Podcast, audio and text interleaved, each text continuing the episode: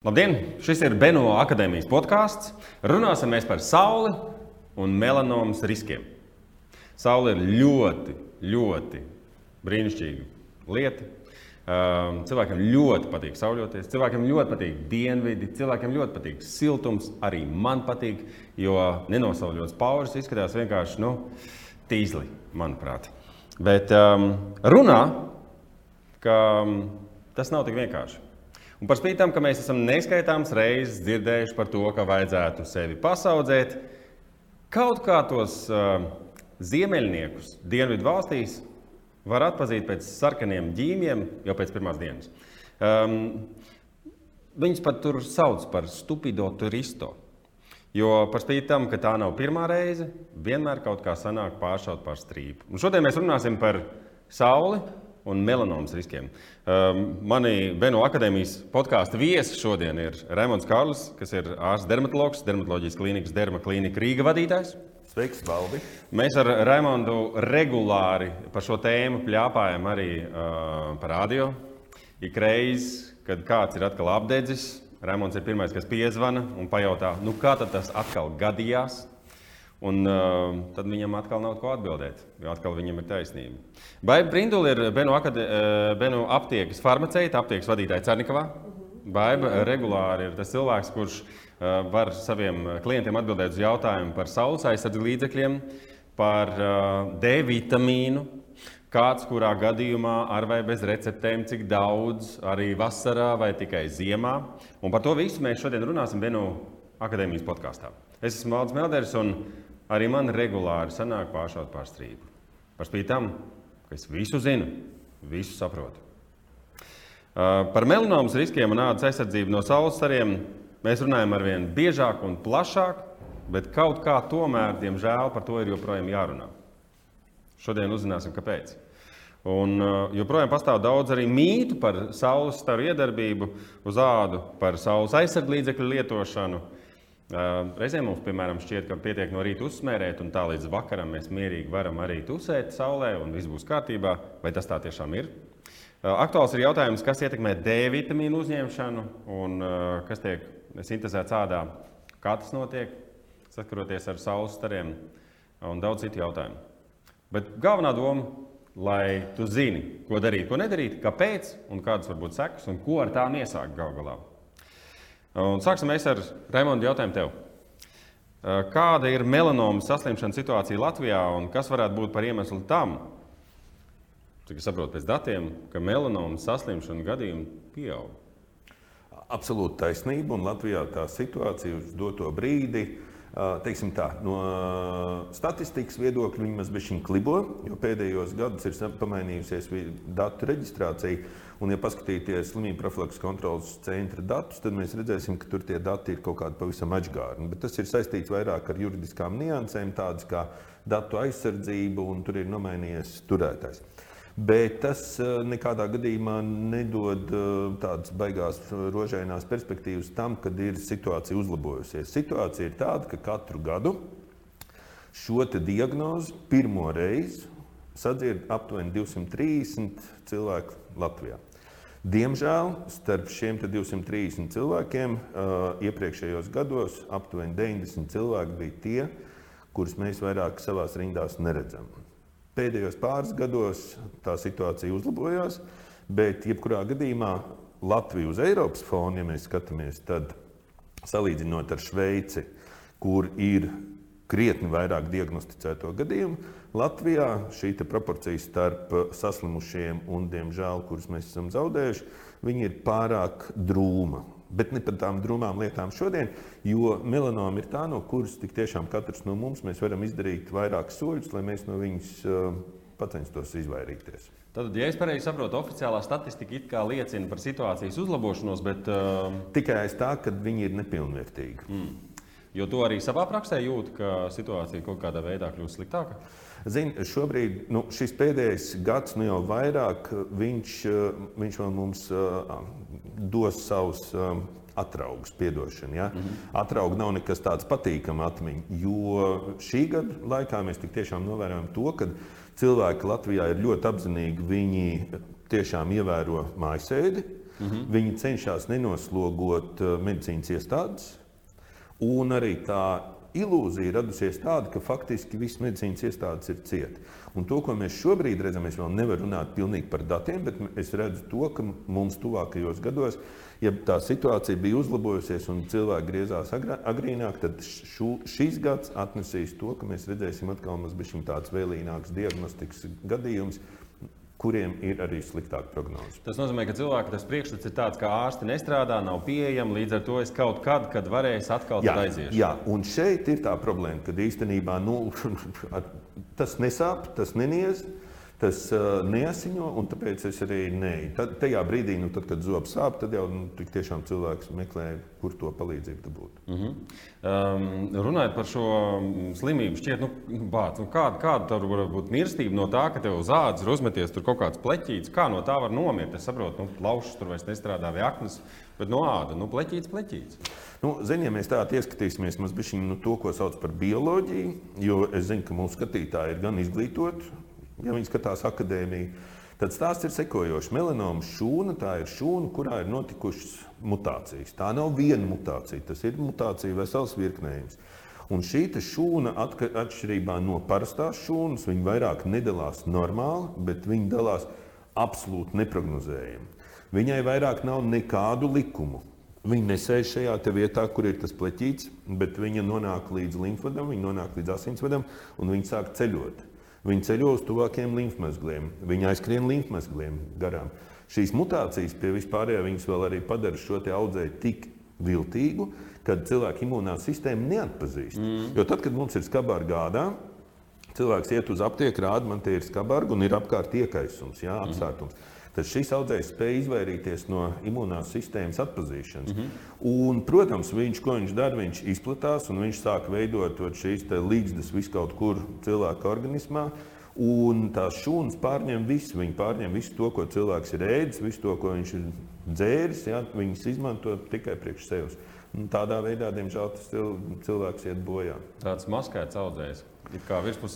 Viņš. Jā, viņš ir ļoti pie tā visa, viņš ir ļoti agresīvs. Bet uh, labā ziņa, ka viņš uz ādas mums dod ļoti daudz dažādu zīmes, kuras mums varētu palīdzēt viņu atpazīt un saulēcīgi viņu likvidēt. Mm. Mēs pēc brīža runāsim par to, kā tad varētu atpazīt, lai, lai saprastu, kurā brīdī ir jāiet vai nav jāiet pie ārsta.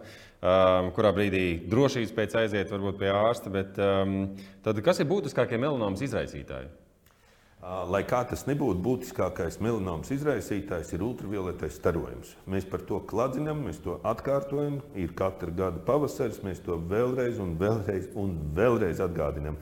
Un šeit ir tā, gan to, ko tu pieminēji, tas stupida turisto, kurš ir apdedzis, gan arī tas, kurš nav stupida turisto, bet kurš ilgstoši uz sauli atrodas. Saulē šeit melanomai viņai ir dažādas sejas, viņai ir dažādas formas. Un tie, kas apdeg, viņiem ir vienas melanomas formas attīstība, un tie, kas regulāri strādā, pieņemsim, dārznieki, ceļu būvē, celtnieki, un nu, mēs tās profesijas varam nosaukt ļoti daudz, bet nu, mēs laikam šeit esošie neesam šo profesiju pārstāvji. Tad viņiem ir citas tās formas. Un uh, ultravioletais starojums tas ir numurs viens. Numurs divi, lai kā tur nebūtu, mēs esam gaišādaini cilvēki. Baigais mūks brūns acis, bet neskatoties uz viņas brūnajām acīm, vienalga viņa ir gaišādains cilvēks. Tu esi gaišādains cilvēks, es esmu gaišādains cilvēks, un tas ir mūsu risks numurs divi. Jā. Risks numurs trīs ir tāds, ka, protams, melanoma var arī atgadīties pilnīgi spontāni. Tātad mutācija notikusi un viņa nav saistīta ne ar ko.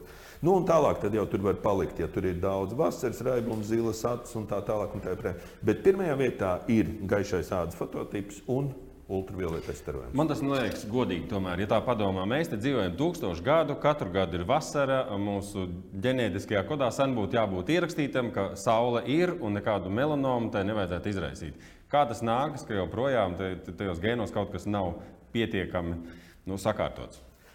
Zini, es tev pateikšu tā, ka īstenībā, ja salīdzināt cilvēkus pērnā gadsimta sākumā un šī gadsimta sākumā, tad mēs esam palikuši brūnāki. Vidēji gaišādainam cilvēkam uz ādas ir krietni vairāk šo pigmentēto veidojumu dzimumzīmi nekā tas bija aptuveni 100 gadus atpakaļ. Un tā ir viena no adaptācijām. Varbūt pēc kādiem 300, 400 gadiem gaišādains cilvēks būs viss vienās dzimumzīmēs un viņš būs brūns. Mm, jo, redz, kādreiz pat puikas nesāja cepuri. Sievai lakatiņš vienmēr, un jebkuram vīriešu kārtas pārstāvim bija cepura galvā. Vai tas saistīts ar sauli, vai ar stilu, vai ar kultūru, es nezinu. Bet, bet ja paskatās vecās bildes, lakatiņš ap kaklu un cepura galvā. Uh, nu, redz, uh, kādēļ? Tādēļ, ka, ja ir cepura, viņi pasargā seju, lai seja nepaliek brūna. Lakatiņš tā ir arī viena no tām vietām, kura apdeg saulē. Mm. Nu, atcerēsimies to, ka visu, visu cilvēku pastāvēšanas laiku nebija modē iedegums. Bija uh, pērnā gadsimta 20. un 30. gadi, kur uh, bija atvērta Pandoras lādīte, kur uh, cienījamā modes mākslinieca pateica, hejā, īstenībā atkāpjoties no tā, ka viņai konstatēja, nu, paklau, nav jau smuki tādai apdegušai būt. Un viņi to Pandoras lādīti atvēra. Ja? Un līdz tam laikam tik tiešām dāmas bija garos cimdos, ja? priekšā vēl bija plīvurs, bija nu, pavisam nezalīdi ar tādu brūnu ādu parādīties. Sabiedrībā. Tā ir modes lieta. Jā, un tā ir no vienas puses tā ir modes lieta, un no otras puses jāatcerās arī to, ka uh, tad, kad mēs laiskojamies saulē, mēs saņemam baudu.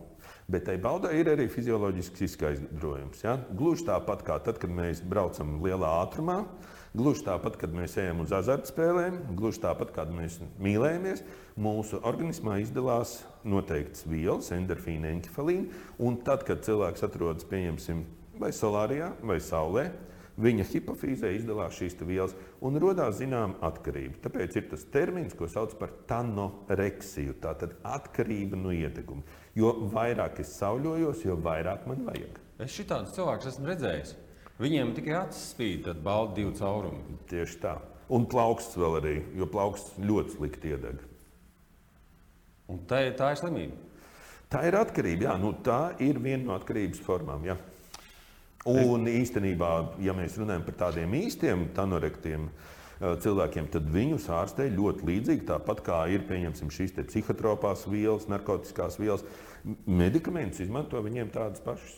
Tātad ir normāli, ka mēs jūtamies labi saulē, tāpēc tas mums izraisa patīkamas sajūtas, kas ir tīri ķīmiska reakcija. Jā, tīri fizioloģija. Bet tam ir sava cena. Jā, nu, diemžēl tā cena nav maza. Mm. Es gribēju jautāt, vai vai strādājot aptiekā, kāda ir cilvēku intereses dinamika attiecībā uz saules aizsargu līdzekļiem, lai saprastu apmēram, vai cilvēks saprot to nozīmi vai nē, un vai viņi saprot, kā lietot šos līdzekļus. Nu, jāsaka jau, ka pēdējos gados patiesībā ir arvien vairāk tā interese un zināšana parādījusies par visiem saules aizsargkrēmiem. Mm -hmm. Teiksim, arī šajā gadā, jau, kad īsti kad neviens nekur nebrauc uz ārzemēm, tomēr to saules aizsargkrēmu pieprasījums pēc viņiem jau parādījās sākot jau ar februāri. Tas nozīmē, ka cilvēki vai nu gatavojas sezonai, vai arī tiem, viņi, kam jau ir beidzies. Tie, ko viņi ir lietojuši, ir teiksim, ziemas laikā. Mm -hmm. nu, mhm. tad arī parasti jālieto. Ir. Ziemas laikā. Jā, nu, tāpat jau saulēs tas UV starojums jau arī tāpat ziemas laikā diezgan daudz saistībā ar to, ka no sniega atstarojas. Līdz ar to arī ziemas laikā būtu ieteicams lietot arī tos saules aizsargu faktorus. Un kur tad tas krems jāsmērē? Vienkārši uz sejas, uz Jā. sejas un rokām? Jā, uz sejas. Kas ir tie izplatītākie mīti vai kļūdas saistībā ar saules aizsargu līdzekļiem? Cik bieži, kāda tur aizsardzības līmeņi, cik bieži jāatjauno, vai sanāk par to runāt ar klientiem? Protams, jā, jo lielākoties ir tā, ka nu, teiksim, pēc tam visiem fototipiem, kur skatās, ka cilvēkam vajadzētu lietot to maksimālo aizsargu faktoru, kas tā, tas SPF 50 būtu. Bet cilvēks saka, ah, bet es taču neiedegšu. Jā. Nu, tas ir klasiskākais, ar ko ir jācīnās, kad cilvēkiem ir uzskats, ka viņš vienalga ļoti bāls, viņš grib iedegt, un viņam liekas, ka ja viņš lietos 50 aizsargu faktoru, ka viņš vispār nenosauļosies. Mm -hmm. Un, tas ir viens no tādiem, un otrs ir, kad visiem liekas, ka tā, no tagad uzklāšu vienu reizi to saules aizsargu krēmu, un viss pietiek. Krēmu noliek uz plauktiņa mājās un dodos dzīvē. Bet faktiski ir tas, ka eh, saules aizsardzības krēma neatkarīgi no apstākļiem katras divas stundas būtu jāuzklāj. Katras divas stundas? Jā, tieši tā. Jo, nu, piemēram, runājot ar kosmetoloģiju, viņa, tad, kad iesaka sejas krēmu, viņa iesaka sejas krēmu arī ziemā, tur ar to UV kaut kādu aizsardzību klāt. Mm -hmm. Vai arī tas ir izcinājums, ka tev vienkārši savā ikdienas sejas krēmā ir kaut kāda aizsardzība līdzekļa? Jā, jo tāpat tas aizsardzību faktors jau arī tur būs.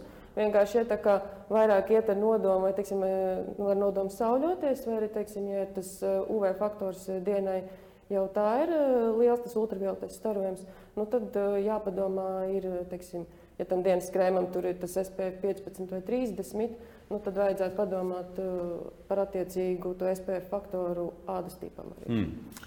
Es reiz pirms gadiem sešiem braucu uz Dakaru, rallijā piedalīties kā žurnālists. Un man teica, ka tad, kad tu brauc uz to Dakaru, jo tur ir Maroka, kas tur ir Senegāla, Mauritānija, tas gan bija tieši uz jauno gadu. Man teica, tu nopērci vēl to, to foto, kāds tur vēl atstarojošais no Āfrikas. Nopirku es tur 50 plus kaut ko un aizbraucu. Un tur tās trīs nedēļas ir vienkārši tāda dūmaka, apmēram plus 20 grādi dienā, mīnus 3 grādi naktī.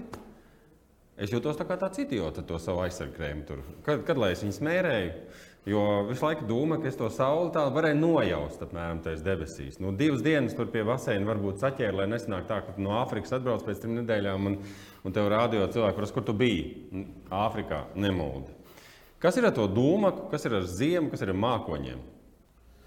Atbildi ir ļoti, ļoti vienkārši. Punkts pirmais - ultravioletais starojums Zemes virsmā viņš ir visu laiku, bet viņš ir mainīgs. Pieņemsim, Latvijā, ja mēs runājam par ziemas periodu, tajā laikā, kad uh, saulīt knapi, knapi virs uh, horizonta parādās, uh, to ultravioleto staru daudzums, kas nonāk līdz zemes virsmai, viņš ir ļoti neliels. Mm -hmm. Un faktiski, ja mēs paskatāmies arī meteo lapās, tur būs rakstīts e, nulle, UV indeks nulle. Tātad ir speciāls indeks laika ziņās, kuru Jā, jūs arī zināt, rādio laiku pa laikam, tad, kad dr. Karls uzvana un atgādina, paprasa, kādu šodien UV indeksu, tad valdes mm -hmm. jā, pie šī pieķerās. Un tas ir ļoti labi. Kādēļ? Tādēļ, ka tik tiešām zinot šo indeksu, mēs varētu plānot arī.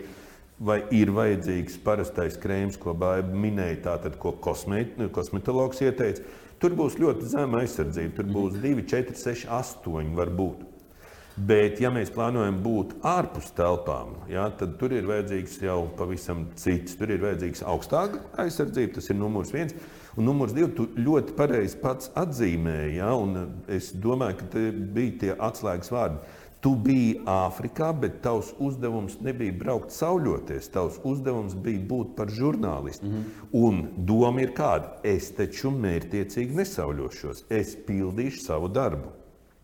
Bet ultravioletajos staros tu vienalga atradies. Kaut arī bija tā dūmaka, un dūmakainā dienā, un vēl vējiņš klāt, var apdegt vēl ātrāk nekā uh, parastajā dienā. To, ko tu teici par smiltīm, to, ko minēja arī par sauli, par sauli ziemas laikā, tas ir ārkārtīgi aktuāli. Es varu parādīt bildes no savas kuģiņa dārza, kur man šogad, pateicoties tam, ka februārī bija sniegs, bija vēl augsts un bija jau saulainās dienas. Man, uh, apakšējā daļa eglēm, kuras bija zem sniega, visas ir zaļas un virs tā ir smuki apdegušas. Apdegušas. Apdeg pat augi. Jā, tieši tā. Un kad februārī, kur Latvijā? Oh. Tad iedomājies, kas notiekās, pieņemsim, uh, vasarā Latvijā. Ja mēs varam sildīt ūdeni, ja mēs varam iegūt pat elektrību. Jautājums par to UV indeksu, kam pievērst uzmanību. No cik līdz cik ir tā skala un kurā brīdī jāsāk uzmanīties? Nejauksim tas, kas ir uzrakstīts uz uh, saules aizsargkrēmiem, mm -hmm. kur ir SPF, ja, kas ir norāda uz to, ka tā ir aizsardzība pret ultravioletiem bēstariem, slīpsvītra UVA. Un uh, globālais ultravioletais indeks, tātad tas ir pie mums Latvijā mērāms uh, Rucavā, ir stacija kur ir speciāla iekārta, kura nosaka šo te, uh, UV indeksu aktivitāti. Tas, tas, kas nāk, kā... tas, kas nāk no, no turienes. Jā. Un, uh, protams, jā, tātad vasaras vidū sasniedz maksimumu, tāpat arī dienas laikā šīs stundas ir 10, 11 līdz 3, 4, kad aptuveni 80% visu diennakts ultravioleto staru sasniedz zemes virsmu. Cik kāda ir tā skala no 0 līdz 1? Ja mēs paskatāmies uz skala, tad minimums ir 0, maksimums ir 11 un dažkārt raksta 11. Plus. 11 plus zemes virsmā tas ir Austrālija un atsevišķi reģioni, un arī augstu kalnos, ja mēs kāpjam. Un Latvijā maksimālais sasniedz līdz pat astoņām vienībām. Parasti tas ir jūnija, jūnija otrā puse, jūlijas, bet te laikam varētu arī paskatīties tos datus precīzāk. Bet nu, tas ir tas aktīvākais laiks. Un pavasara sāla, protams, mūsu gaišās ādas ļoti ātri pievelk to pat nelielo, mm. 2, 3, 4. Pilnīgi pietiekoši, lai būtu sārtums veigos. Jūs skatāties vienu akadēmijas podkāstu. Mēs šodien runājam par sauli un melanomas riskiem. Mēs arī pēc brīdiņa parunāsim par D vitamīnu, jo galu galā nu kā, nu, saulē tā jāiet, lai D vitamīnu saķertu. Ne tikai uh, uh, mēs to saucam par iedegumu, bet uh, dermatologi to sauc par apdegumu. Dažādu pakāpju. Uh, un jautājums uh, pirms tam arī baigta. Tātad ir izpratne cilvēkiem par to, kas tieši viņiem vajadzīgs. Viņi atnāk ar ļoti konkrētu prasību. Vai viņi atnāk un saka, man kaut ko pret sauli, vai arī, piemēram, jūs skatāties, ka cilvēks jau ir apdedzis un jūs paši kaut ko piedāvājat. Tad, kad viņš jau ir apdedzis un vēršas pie mums, jā, tad mēs viņam piedāvājam līdzekļus, kas viņam teiksim, atvieglinās to procesu un palīdzēs tās ādas tā sadzīšanu. Mm -hmm. Un tad, kad cilvēki nāk teiksim, pēc līdzekļiem pret, pret sauli, pret apgabumu, lai būtu ar aizsargfaktoriem, ir kas zina jau, ko vajag, jo ir nākuši no dermatologiem, kur dermatologs jau pat ir ieteicis Un ir arī tādi, kuri nāk, viņi saka, ka viņiem vajag, un tad viņi palīdz, lai viņiem izvēlas. Es joprojām dzirdu pie tiem apgabumiem, iedegumiem, tātad augsts krējums, eļļa, kaut kādas tādas lietas. Kas, kas ir jūsu atbildi uz šiem ieteikumiem? Pilnīgi noteikti nē. Nu, labi, es saprotu, jūs strādājat aptiekā. Protams, labāk kaut ko nopirkt, vai ne? Jā, bet mana vecmāmiņa. Tas nav nekāds interešu konflikts, tas ir absolūti zinātniski pamatots. tā kā te nav tā, ka rekur aptiekā no mūsu plauktiem kaut ko. Nu, nu. Lūk, tāpēc jūs šeit esat divi. Stāstrēm. Nu, varbūt dosim baidām iespēju. Labi. Es papildināšu. jo es savā ziņā spēlēju vēl advokātu, protams. Nu, nē, kā nē. mana vecmāmiņa gadsimtiem to ir darījusi, jūs man te tagad stāstāt. Jā, jā.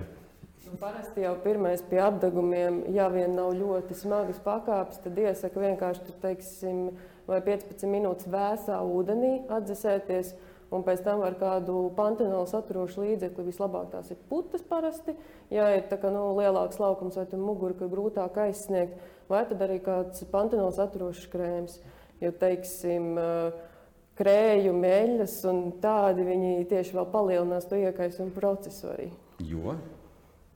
Jo šī ir akadēmija un tāda mm. priekš tiem, kuriem gribās šo zināt. Jo, ja mēs uz ādas virsmas uzklājam taukus, vienalga vai tā būs eļļa vai tas būs riktīgs krējums, Ko mēs darām? Mēs faktiski ādas virsmu hermētiski pārklājam. No ādas virsmas vairāk nenotiekās ūdens izgarošana, un, ja neizgaro šis ūdens, tad mēs arī neatdodam siltumu. Tā ir fizika. -hmm. ja?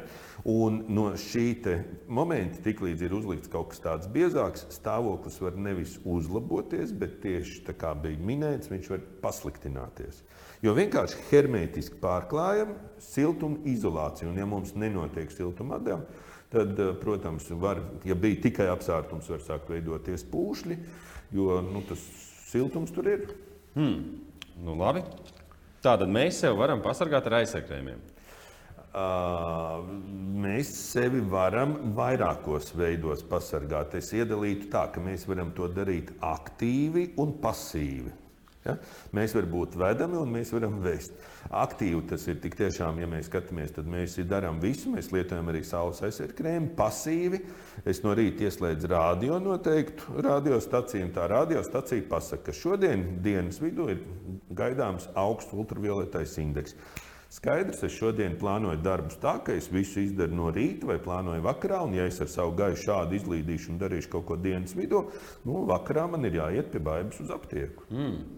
Nu, ja mēs eh, smeļamies to gudrību eh, atkal sentēvos, nevēl viņiem bija diendus vai ne, kaut kur paēnī. Uh, nu, īstenībā es teiktu tā, ka uh, atkal stupido turisto, bet es teiktu arī stupido pilsētnieki. Ja, ja mēs aizbraucam uz uh, ārpus Rīgas, tad uh, neviens cilvēks dienas vidū zāli nepļauj.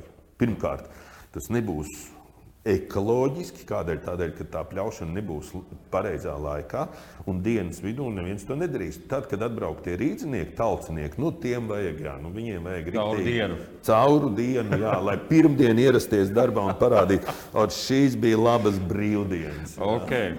Es esmu uh, tagad pēkšņi atklājis, ka ir uh, līdzekļi ar ķīmiskiem un ar minerāliem filtriem. Kas tie tādi? Ķīmiskie filtri tie lielākoties ir tie, kas ir SPF 50 un tādi. Minerālie, minerālie būtībā ir divi. Cinka oksīds, kam ir krēmiem, kam ir sastāvdaļa cinka oksīds vai titāna dioksīds. Viņi ir tādi, kas atstaro saules starus. Bet ķīmiskie viņi ir tie, kas absorbē un uh, veido tā kā siltumu. Viņi vienkārši nu, uzsūc tos starus, teiksim tā, bet uh, viņi aizsargā ādu. Un kuros gadījumos, kurus izvēlēties?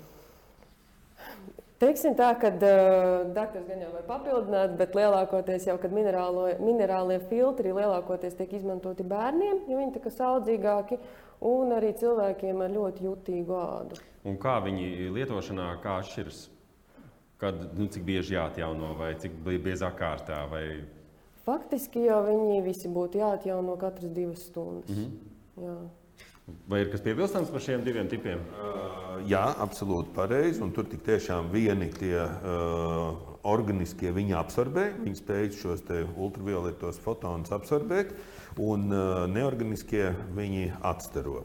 Tas, kas nepatīk cilvēkiem, varbūt mana priekšrocība personīgi ir šiem neorganiskajiem, tātad cinka oksīdam un titāna dioksīdam, jo aizsardzību viņi nodrošina manā skatījumā labāk, bet viņi pēc savas konsistences ir tādi tumīgāki, biezāki.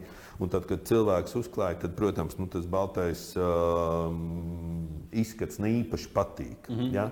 Bet, eh, ja paskatīties, ko lieto dermatologi, viņi biežāk lieto šos neorganiskos. Un uh, atjaunošana noteikti ir pēc, ik pēc šīm divām stundām. Nu, un vēl viena lietiņa, varbūt arī tas ūdens izturīgums ļoti svarīgs. Ja mēs tomēr svīstam, ja mēs vēl kādu ūdens uh, peldi paņemam, pabraucam ar ūdens moci vai vēl kaut ko.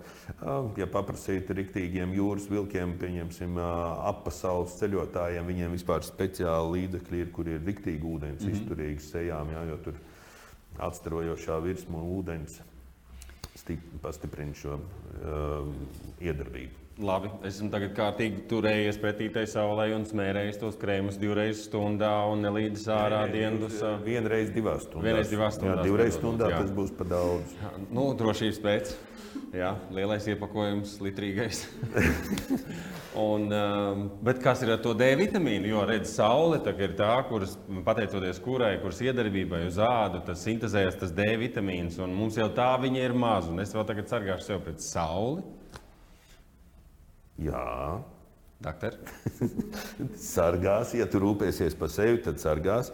Atkal, tā kā mēs esam akadēmijā, tad šī tāds akadēmiskā līmeņa zināšanas. Uh, īstenībā, jā, uh, no saules nāk šie ultravioletie B stari. Viņi ir bīstami, viņi izraisa apdegumu, bet tieši šie ultravioletie B stari arī veicina it kā šo D vitamīnu sintēzi. Bet, ja mēs ieskatāmies bioķīmijas procesā, tad tas, kas mums veidosies ādā, viņš nebūs īstais vitamīns D. Tas būs tikai viņa priekštecis. Jā, tā nu ļoti viltīga. Tas D vitamīns ir ļoti interesanta lieta. Ādā veidojās viņa priekštecis, viņš uzsūcās līmfvados, ar līmfvadiem viņš nonāk līdz asinsritei. Ar asinsritu viņš nonāk uz nākamajām divām stacijām. Viņš nonāk, uz, viņš nonāk aknās, viņš nonāk nierēs.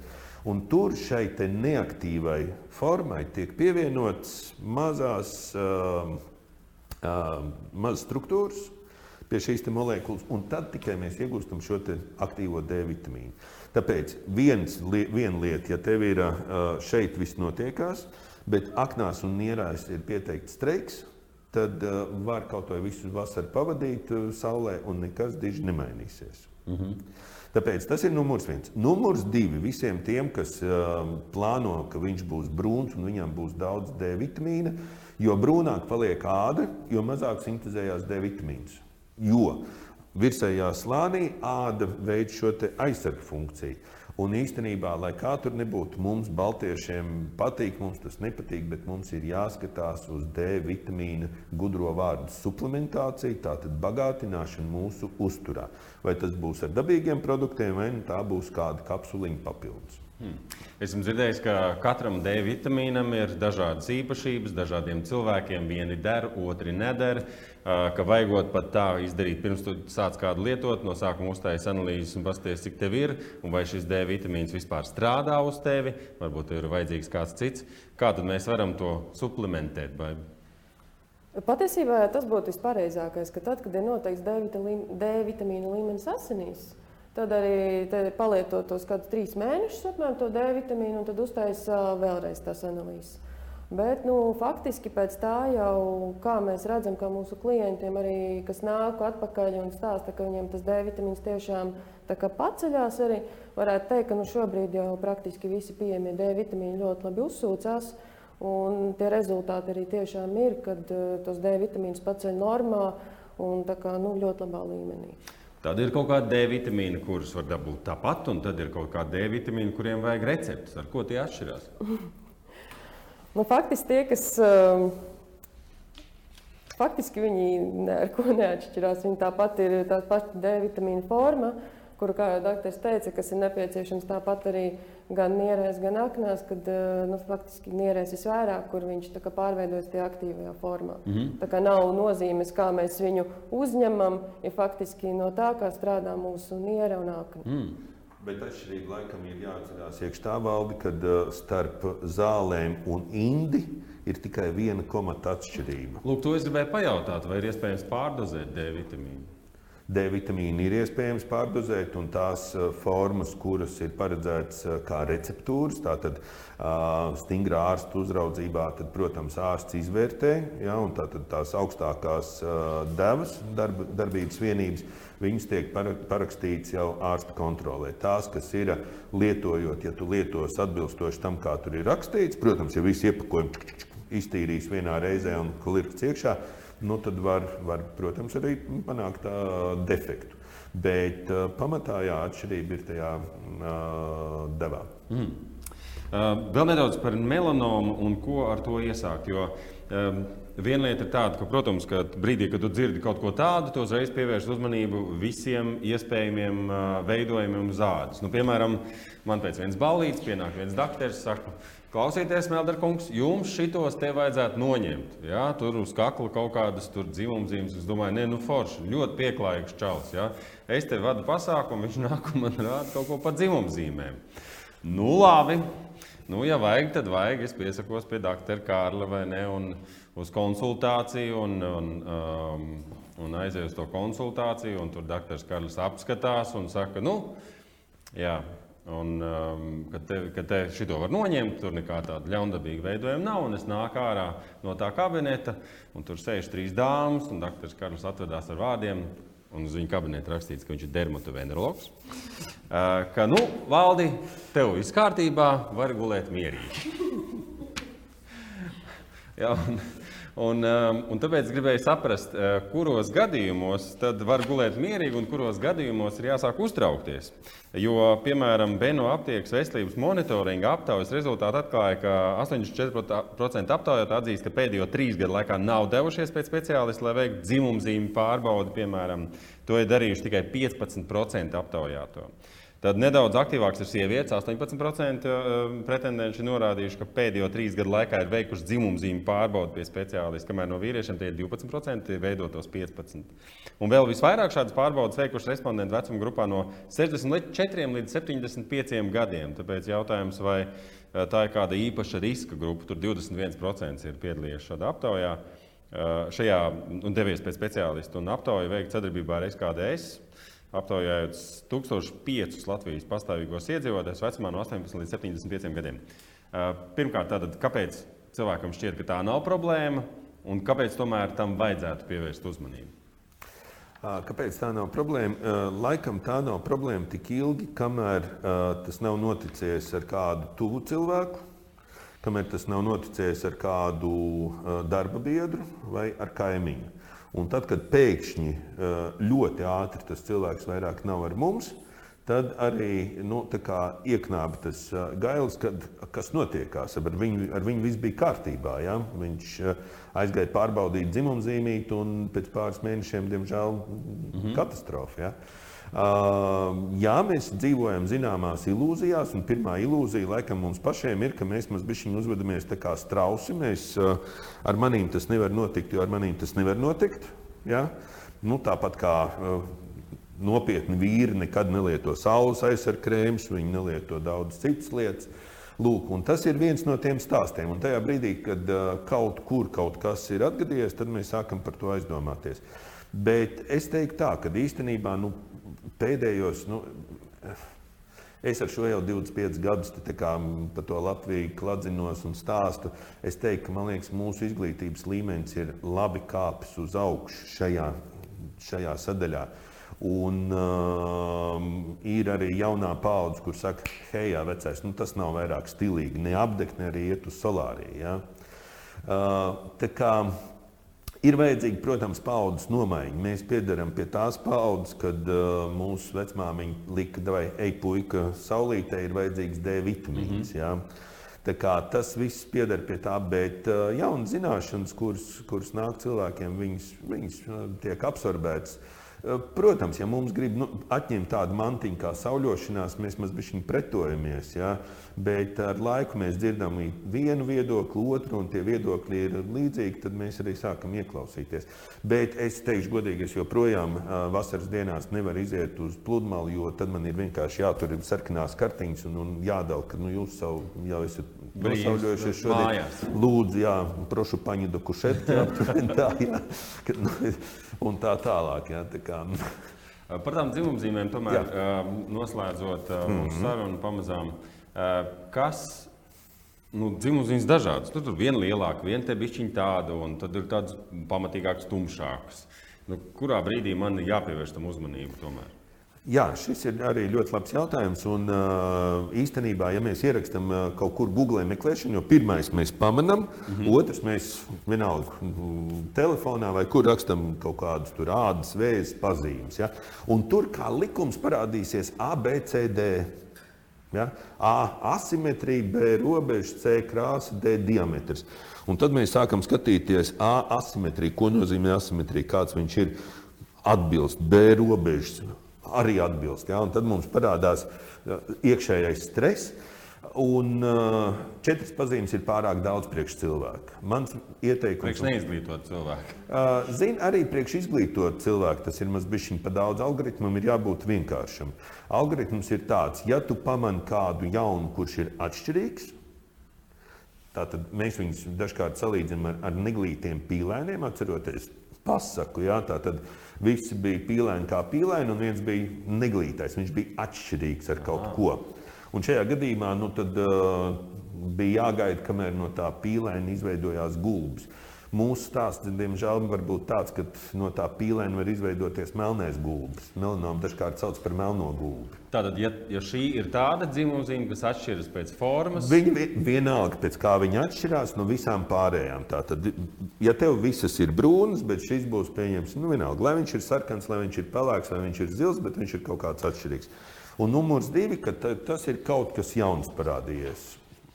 Tas ir vērts atcerēties, un nav ko tur tālāk meklēt, A, B, C, D.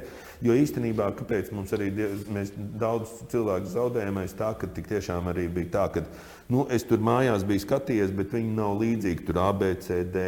Tas, kas ir A, B, C, D, tie jau veidojumi, kuriem ir slikta prognoze. Mm -hmm. Jā, tā, tās tie jau ir attīstīti audzēji. Un, uh, mūsdienās tās tehnoloģijas, kuras mēs izmantojam, jā, arī mākslīgo intelektu, digitālās tehnoloģijas, viņas ļauj reāli cilvēkam konstatēt, atrast melanomu divu milimetru izmērā. Tas ir ejot pie ārsta. Tas ir, jā, nu, tas ir ejot pie ārsta. Es domāju, vienalga paies kaut kāds laiks, un arī mobilās aplikācijas attīstās, un arī varēs ar mobilo aplikāciju nobildēt, un arī tur mākslīgais intelekts palīdzēs.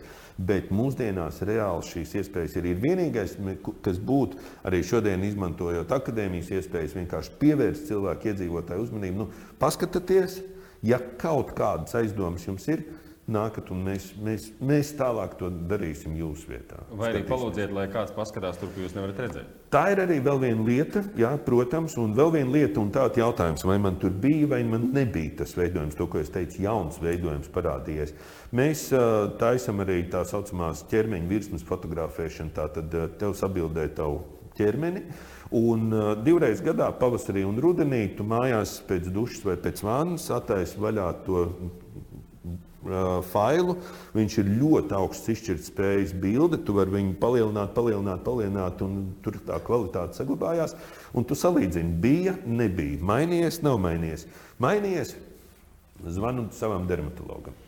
Tātad uh, melanoma uh, ir um, reāls risks, un, diemžēl, spriežot pēc, uh, nu, pēc uh, ārstu novērojumiem un arī nu, sagaidot, kādas būs sekas pandēmijai un pandēmijas arī ietekmei uz ārstu apmeklējumiem, mums tam jāpievērš lielāka uzmanība.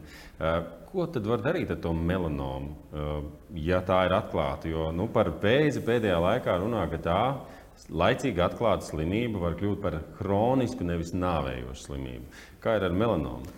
Absolūti taisnība, un Latvijā mēs redzam ļoti labus tam piemērus. Uh, es nevaru, atsaukties, nevaru neatsaukties pieņemsim, uz biedrības solis priekšā melanomai, kur ir ļoti aktīvas meitenes, kur ir Sondra Zaļupe, jā, kuras panāca ļoti labus rezultātus šajā metastāzes jau stadijas ārstēšanai, tad tev ar noteiktu laika intervālu ir jāapmeklē ārsts, tev ir jāsaņem zāles, un tā, tā slimība ir vienkārši hroniska. Mhm. Viņa tev nenogalina. Ja? Uh, jā, protams, tām zālēm ir daudz un dažādas vēl, bet kur ir uh, iespējas uzlabot. Un, Ticiet man, šobrīd pasaulē notiek ļoti liela pētījuma, lai uzlabotu šīs zāles. Ja? Tā, kā, tā ir tik tiešām iespēja dzīvot ar chronisku slimību, nevis nu, kad tev mhm. tā, tas, tas mazais punktiņš nogalina. Tad kopumā apkopojot to, ko mēs nu pat esam runājuši, tomēr uh, sauļošanās kā tāda ir modes lieta, bet tā tomēr vairāk jāuzskata kā apdegšana, nevis nosauļošanās. Labi, ieskaitīts. Um, runājot par D vitamīnu, nosauļot tādu, uh, to pašu D vitamīnu palīdz veidot sliktāk nekā uh, veselīgā, nenosauļota. Tomēr tikai sauļošanās vien D vitamīnu neražo, tur ir daudz citu faktoru. Um, var gadīties, ka saules aizsardzības krēms ir nepieciešams arī ziemā. Un vai es pareizi saprotu, ka savukārt D vitamīns ir nepieciešams arī vasarā? Jā. Kas ir tas, ko jūs varētu mūsu diskusijas noslēgumā, apkopojot no farmaceita viedokļa, vēlreiz uzskaitīt mūsu skatītājiem gan attiecībā uz saules aizsardzības līdzekļiem, gan uz D vitamīnu? Uh, varu ieteikt to, ka uh, jāizvēlas ir pareizais saules aizsardzības, uh, atbilstoši savam ādas tipam, un uh, jāuzklāj viņš ir pareizi katras divas stundas, un jāsauļojas droši un gudri droši un gudri. Jā. Mm. Un par D vitamīnu? D vitamīnu arī tāpat eh, kā iesākts ir ziemā, tāpat arī jālieto viņš ir vasarā. Noskaidrojot, ka ir tāds deficīts. Jā, protams, vislabākais ir pirmais aiziet un uztaisīt asins analīzes, un mm -hmm. tad arī var redzēt, vai ir pietiekams vai ir nepieciešams vēl drusciņi. Un, uh, Raimonds, jautājums jums, kas ir tas, ko vēl izmantojot iespēju, ja, piemēram, kādam no mūsu skatītājiem kāds jautās, nu, ko tu tādu uzzināji? Kas ir tās trīs lietas, ko vajadzētu atgādināt? Pirmais, kad uh, nav jāgaida, ka uz ādas būs kaut kas briesmīgs, lai tā būtu melanoma. Melanoma var būt ļoti maza, un viņi ir iespējams noteikt vēl pirms tam. Numurs divi noteikti uh, uzticies savam dermatologam. Ja, jo dermatologs vienalga tas ir tas ārsts, kurš uh, šo lietu atpazīst. Ja. Uh, un trešais, varbūt es arī gribēju pateikt, uh, ja tu ies pie savu dermatologu un teiksi, ka man, nu, man šis te traucē un paskaties, viņš tev liks arī izģērbties visu, viņš apskatīs tev no augšas līdz apakšai. Ar to arī jārēķinās. Ja? Viņš ieskatīsies padusēs, viņš ieskatīsies zem krūtīm, viņš ieskatīsies cirkšņos. Tam ir jābūt gatavam, un tā, tas ir tāds normāls standarta procedūra. Tātad esi gatavs parādīt visu savu divu kvadrātmetru īpašumu. Lielāko orgānu kāds tev ir? Absolūti taisnība. Jā. Mm. Un, um, un tiešām arī laiku pa laikam kādam pieeja klāt un atgādina, ka nu, jau būs gana apdegt. Es atļaujos to darīt tikai īpašām personām, kuras atkārtot pārkāp šos noteikumus. Bet nu, tā, kad es pa pludmali ietu un dalītu sarkanās kartiņas, es laikam neatļaujos. Ja? Mm -hmm. Bet, nu, es domāju, ka ar savu aktivitātēm un ar šo pavasara atgādināšanu es ceru, ka nu, tas, kurš grib sadzirdēt, sadzirdēs, tas, kurš grib izglābties, izglābsies. Nu, jā. Atsakot, gadījumā, ja jūs pēkšņi ļoti aizrautīgi mīlat sauļoties, tad nebrīnīties, ja gadījumā pēkšņi kāds garām gājējs vienkārši iedod vizītkartes, kuras rakstīts ir dermatologs. Jums ar vārdiem jums noderēs. Tagad to ir krietni labāk darīt. Tāda man seja vairāk nav tik labi redzama. Viņi ir zem maskas, es to varu darīt. Nu, lūk, it kā jau tā pasmieklam, bet ļoti nopietna, reāla problēma. Un, diemžēl mums ļoti grūti tikt vaļā no, no tiem stereotipiem. Jo nu, tiešām cilvēkam šķiet, ka nosauļojies tāds mīlīgs brūns, cilvēks izskatās labāk, tas ir stilīgāk. Bet arī dermatologiem un farmaceitiem šai ziņā ir kas atgādināms. Šis bija Beno akadēmijas podkāsts. Mēs runājam šodien par saules ietekmi, par D vitamīnu, par melanomu. Ik reizi, kad tev rodas kādas mazākās šaubas, vienmēr labāk tomēr pajautāt speciālistam. Paldies! Esmu Vācis Melders. Turieties lūdzu pie pārbaudītiem faktiem un cilvēkiem, kuri ir gana daudz izglītojušies, lai zinātu, kur runāt.